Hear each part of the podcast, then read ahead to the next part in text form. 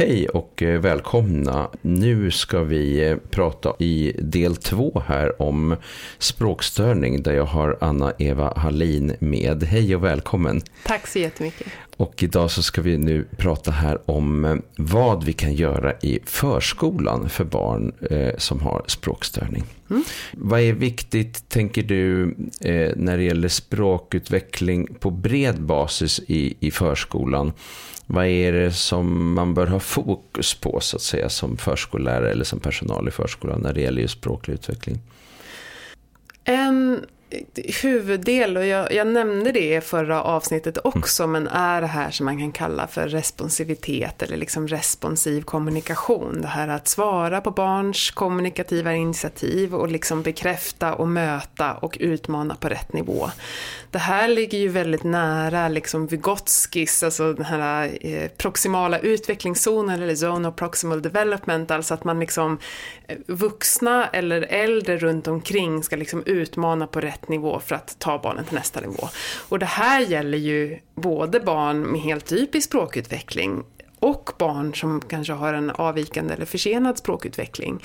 Eh, och den här responsiva kommunikationen handlar just om att till exempel spegla barnet, be bekräfta liksom de försöker säga någonting och då kan man upprepa det, kanske upprepa det med något extra ord eller så, sätta ord själv på det man gör. Eh, så mycket handlar om, jag tänker när jag pratar med både förskollärare och eh, lärare i skolan, att det, att det krävs en ganska stor medvetenhet om ens eget språk som lärare eller som pedagog. Att man, liksom, att man är medveten om hur man gör och hur man pratar med barn. Mm. Sen självklart en annan, och det här är ju allt vardagssamspel mm. oavsett mm. vad man gör, det är liksom i vardagen så. En annan viktig del såklart, och det här tror jag liksom alla eh, som jobbar i förskola vet om, handlar ju om att läsa böcker tillsammans. Som Just. är en, en, en jätteviktig språkutvecklande aktivitet. Och här tänker jag också att det Eh, man kan behöva öka medvetenheten om hur man läser böcker. Till exempel att det inte bara är bokläsning vid vila för att det är mysigt. Eh, där, man, där barnen är trötta och kanske till och med vissa somnar. Utan att man också har mer aktiv, interaktiv bokläsning. Ibland kanske också vissa barn behöver mer förberedd bokläsning där man till och med har plockat ut vissa ord, man kanske kan stötta dem med bildstöd, prata djupare kring det, alltså göra mer, eh, göra mer kring det eh, som en språkutvecklande aktivitet. Det här med högläsning har ju kommit in som en del i, i läroplanen eh, och förtydligats ju. Mm. Eh, när man tog det beslutet, eh, var, var, eh, det handlar ju om språk och språkinlärning tänker jag. Mm. Eh, hur viktiga är böckerna? Du, du är inne på att det, man ska göra det mycket, men hur mycket av språket kommer via böcker? Alltså ord, förråd och, och så. Jag skulle säga, alltså mycket mycket. Sen så ska jag också säga att det är ju, jag menar, när det handlar om de små barnen är det ju just högläsning mm. som man gör. Så det är ju någon sorts öronläsning då vi tänker, motsvarande ljudböcker. Styrkan med att högläsa är att man faktiskt kan stanna upp mm. och förklara och mm. visa och säga igen och så. Um, en av mina favoritstudier, den är ganska gammal nu, men det är en studie som har jämfört språket i barnböcker och konversationer mellan eh, universitetsutbildade vuxna personer. Mm. Och så har man liksom analyserat så här, grammatisk komplexitet och hur varierat ordförrådet är så. Och barnböckerna vinner ju varje gång. Mm. Det vill säga det är genom böckerna som vi får liksom ett rikare ordförråd. Eh, vi får mer komplex grammatik. Det är också via böckerna som vi, alltså man kan få så mycket annat via mm. litteratur och böcker. Sätta sig in i andra människors perspektiv, mm. gå in i andra världar, ta mm. liksom sånt som eh, men theory of mind, alltså att kunna liksom, ja, men få insikt i någon annans tankar och känslor. Det. Eh, det. kan ju också böcker hjälpa till mm. med. Så att det är en ingång också till mycket mer än bara det här väldigt tekniska, det är ett rikt ordförråd och grammatik. Man har pratat tidigare mycket om det här med eh, att man rimmar och det här med ramsor och, mm. och så. Eh, och sen har vi det här med högläsning och det här med rimramsor, sånger och den typen. Hur viktig är den för språkinlärningen? Eh, har den också en stor betydelse eller är det just det här samspråkandet som är liksom det centrala? Mm, alltså det beror lite på vad syftet är eller vad man tänker, vilken del av språket man pratar om. Alltså rim och ramsor är ju en, det är en kulturskatt. Mm. Eh, många barn tycker det är väldigt roligt. Mm. Eh, det kan främja sånt som turtagning och samspel, det vill säga alltså så svar, alltså att man, man tränar på att, att liksom vänta på sin tur och fylla i och liksom det blir ett samspel som ju också kan liksom utveckla de delarna. Eh, ibland så pratar man ju rim och ramsor som väldigt viktig för läsinlärning. Eh, och det är ju för att man tänker då att men det bygger språklig medvetenhet. Där har ju eh, lite nyare forskning visat att men man behöver inte kunna rimma för att kunna lära sig att läsa och knäcka Nej. läskoden. Mm. Utan det som blir viktigt där och som jag anser att man borde arbeta med mer systematiskt i, i, alltid i senare förskoleår handlar ju om, om det som kallas för fonemisk medvetenhet. Som mer handlar om men, vilka ljud ingår i ord. För det är mm. det, liksom den, det kodknäckandet man behöver gjort för att sen kunna börja representera de här ljuden med bokstäver. Eh, så att rim och ramsor, ja, jätte kul och bra på vissa sätt men just vad det gäller läsinlärning så behöver man eh, gå vidare till andra delar av den språkliga medvetenheten. Och, och, vad handlar det om då? Eh, finns det saker man kan öva på där? Absolut, det handlar om att kunna lyssna vilke, vilket ljud kommer först? Vilka ljud finns i ordet sol? Och sen så ska man liksom kunna säga det, eller vilket ord får du om man säger mm, ah, Mm. What? um, så den typen av övningar, där finns det ju material, alltså till exempel uh, före Bornholmsmodellen som är liksom Bornholmsmodellen som jag tror många känner till, men som handlar just om språklig medvetenhet och tidig läsinlärning, men där före Bornholmsmodellen är just tänkt för förskolan, där man jobbar med det här på ett systematiskt sätt. Mm, mm, just det. Om vi går tillbaka till det här med språkstörning och eh, läsinlärning, mm. eh, som ju blir lite, jag tänker att det är Eh, i förskolan så är det ändå så här, vi vill ju förbereda barnen för skolan. Eh, och då är det dels det här att bygga ordförråd, att få träna på att berätta saker eh, och också det här försteget till att lära sig att läsa. Om man inte, vissa, vissa barn i förskolan börjar ju knäcka koden redan där och ja. vissa förskolor jobbar även mer med det. Um, men har man, en, har man en språkstörning så ofta så blir det lite eh, kan det ta lite längre tid att knäcka läskoden för att man har ett mindre ordförråd och liksom har lite, alltså hela språket är lite svårare. Men det är en av de viktigaste sakerna man kan göra, att försöka stötta den tidiga läsinlärningen. Mm. För via läsningen sen så kan man också få en språklig exponering som är väldigt alltså väldigt viktig. Eh, och via egen läsning och det är liksom ett så viktigt verktyg senare i skolan. Så att det här att, jag tänker aktuellt nu med Pearls data och annat, det här att, att, att alla eh, att, att, redan i förskolan förbereda för att alla barn ska kunna få en så gynnsam läsutveckling som möjligt mm. blir väldigt viktigt. Just det. Pearls, kan du bara beskriva vad det var? Det är ju en av de här stora eh, internationella liksom läsförståelse eh, testerna som görs med jämna mellanrum som precis publicerades nu och, där i, och det är årskurs fyror och ett stort antal årskurs fyror i Sverige då som har gjort och som visar att, eh, så att säga, Sverige ligger fortfarande relativt bra om man tittar på liksom rankningen av alla mm. länder. Men det man ser har hänt är att gapet mellan de som presterar bäst och de som presterar sämre har ökat. ökat och det är fler som presterar sämre, även om medelvärdet är mm. ganska likt. Och den här, den här ojämlikheten, det här ökande gapet är ju väldigt oroande och visar att det är många barn och elever som inte får det stöd de behöver för att utveckla sin läsförmåga. Så vi skulle behöva eh, driva fram det här i, avsevärt mycket mer i förskolan. Just hur vi stöttar de barnen som har lite eh, svårare för det här eller, eller sämre förutsättningar. Eh, så.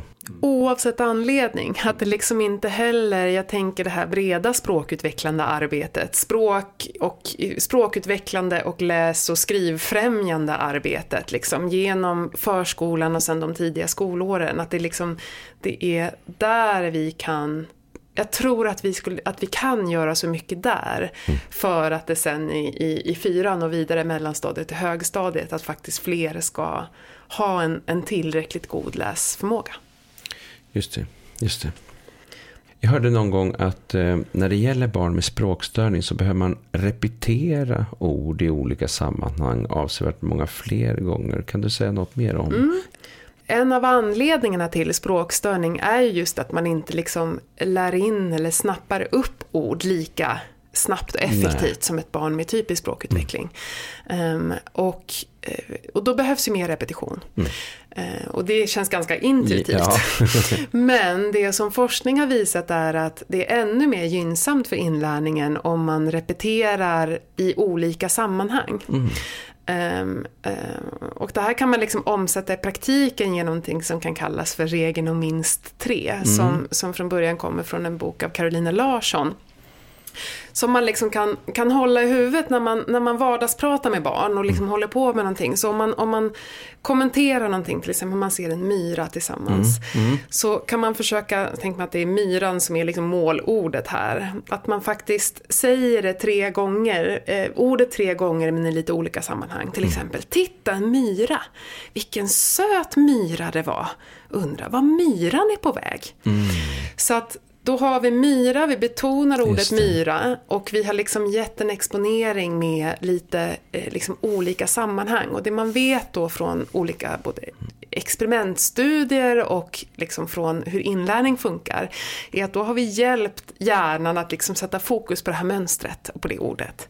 Så det är en sån här vardagsstrategi som man kan använda just om man tänker ordinlärning och när man nämner ett ord för att verkligen eh, främja inlärning. Just det. Är det några andra sådana strategier som kan vara bra att ha med sig när man tänker på just språkstörning och barn i förskolan? Um, en strategi som, är, som faktiskt är väldigt, eh, alltså som har mycket forskningsstöd bakom sig är det som kallas för upprepning eller omformulering. Och det här är någonting som jag tror vuxna gör ganska naturligt med små barn och med alla barn. Men det är även för barn med språkstörning har det här eh, liksom visat sig vara gynnsamt. Och det har att göra med det här med responsivitet som jag pratade om innan också. Att om barnet säger någonting, till exempel man leker med en bil och så säger barnet bil och mm. kör med den. Så säger man ja, bilen kör. Mm. Och så upprepar man liksom det barnet säger men man bygger ut det ett steg. Det är inte så att det säger ja, den röda bilen kör jättesnabbt. Nej. Om barnet bara säger ett ord, utan man kanske bygger upp med ett eller med två ord. Men att då barnet får en, en bekräftelse på sitt initiativ men också få höra ett steg mer avancerat språk. Det. Ehm, det. här kan man även göra med uttalssvårigheter, alltså att barnet har sagt något och man upprepar det fast med rätt uttal. Mm.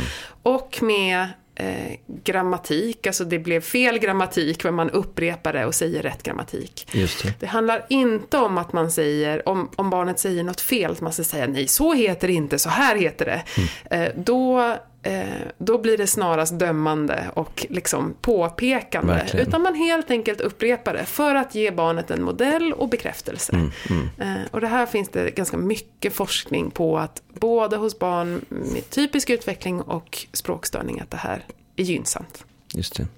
Passiv korrigering. Samma sak. Det är, det. det är ett annat ord för det. Precis. Ja. ja. Um, har du ytterligare också något mer som du tänker är viktigt att ta med när det gäller just förskolan? Det är kanske det här att säga någonting om det här med att använda visuella stöd av mm. olika slag. Um, till exempel att använda stödtecken, tack.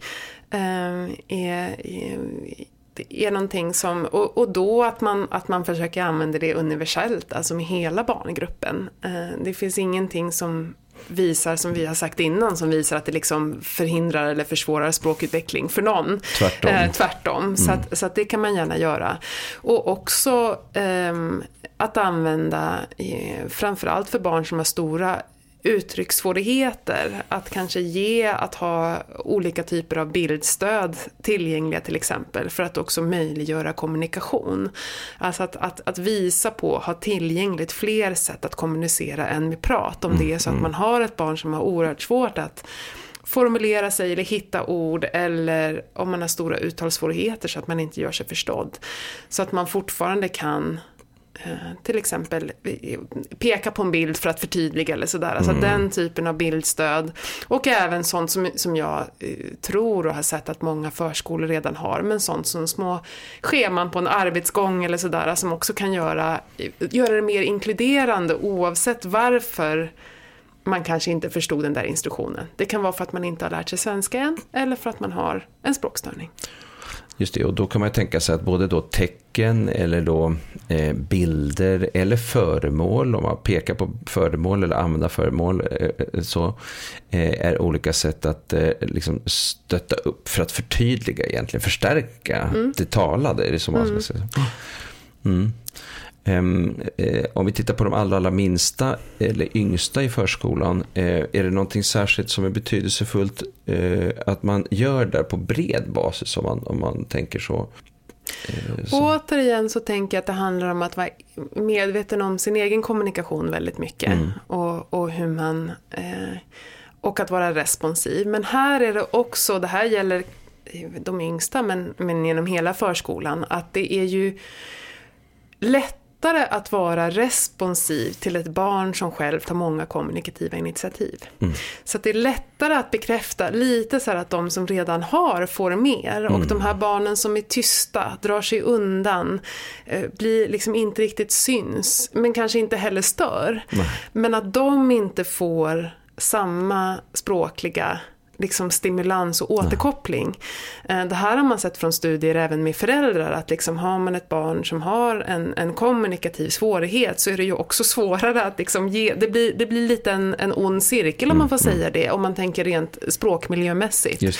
Så här tänker jag att vuxna i förskolan, eh, det behövs en ökad medvetenhet och ett ansvar att liksom försöka locka till kommunikation på olika sätt. Och liksom få med även de barnen som, som kanske spontant inte, inte ja, spontant inte ger så många kommunikativa initiativ. Så locka med lek, locka med aktiviteter och se de barnen eh, för att också stimulera språkutveckling. Mm. För det är väldigt mycket i leken, genom hela förskolan, är det liksom i leken som egentligen all utveckling sker. Ja. Alltså det är ju mm. både alltså social utveckling, kognitiv utveckling och språkutveckling. Det här går ju hand i hand såklart. Eh, så att, så att i, i leken locka och skapa en trygg miljö som kanske även om man då, det kan ju vara en kombination av att jag har en försenad språkutveckling och eh, antingen också eller på grund av är väldigt blyg eller väldigt tystlåten så. Och här behöver man ju se dem och, och uppmärksamma de barnen, tänker jag, på ett, på ett sätt som gör att de kan bli trygga och bekräftade i sitt språk och kommunikation.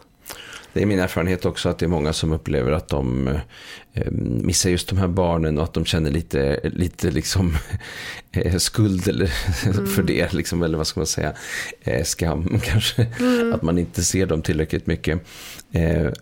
Och hur viktigt det är att verkligen bestämma sig lite kanske också för att nu så ska vi ha lite fokus på det så att vi, så att vi eh, ser till att det blir lite mer initiativ från vår egen sida då, så att säga som vuxna eller som personal då. Och kanske att det kan behövas att man såklart har att göra med liksom resurser och upplägg och mm. sådär. Men att det kan finnas liksom att, att fundera kring hur kan vi gruppera barn. Mm. Och går att ta, även om det handlar om tio minuter eller en kvart, liksom, en lite mindre grupp kanske med de här barnen som är, eh, liksom behöver en, en mindre och tryggare miljö för att liksom eh, läsa tillsammans på den nivån eller, eller leka tillsammans och bekräfta, locka fram kommunikativa initiativ.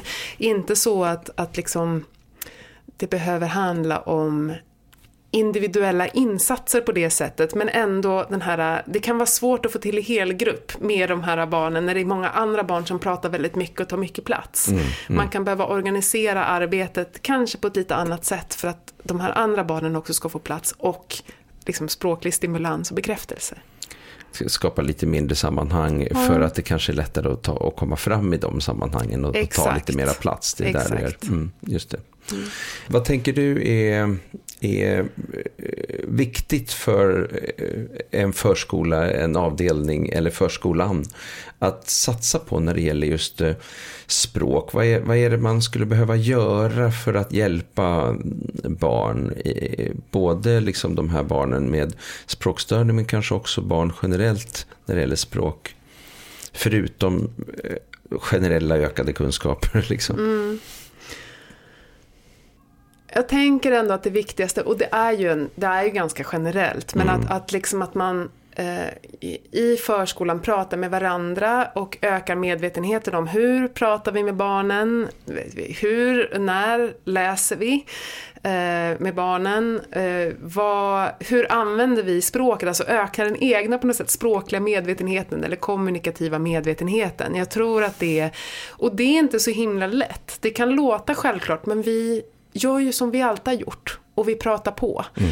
Eller kanske pratar vi inte på och faktiskt är tysta i situationer där vi skulle kunna ge mer språklig exponering när vi till exempel gör något tillsammans eh, med barnen, någon aktivitet. Att vi mm. faktiskt skulle kunna sätta ord, liksom sätta ord mer och använda sådana här strategier som regeln om minst tre eller eh, liksom omformulering eller så bekräftande. Så jag tror, att, jag tror ändå att det är skulle vi öka de diskussionerna i förskolan så tror jag att vi har kommit en ganska bra bit på väg. Och jag tror att det görs redan nu, men jag tänker att det här, hur man själv använder språket, det kan man liksom all, aldrig tänka för mycket på.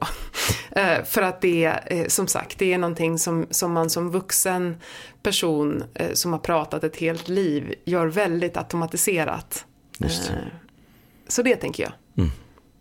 Vi stannar där. Tack så jättemycket. Tack så mycket. Tack för att du var med.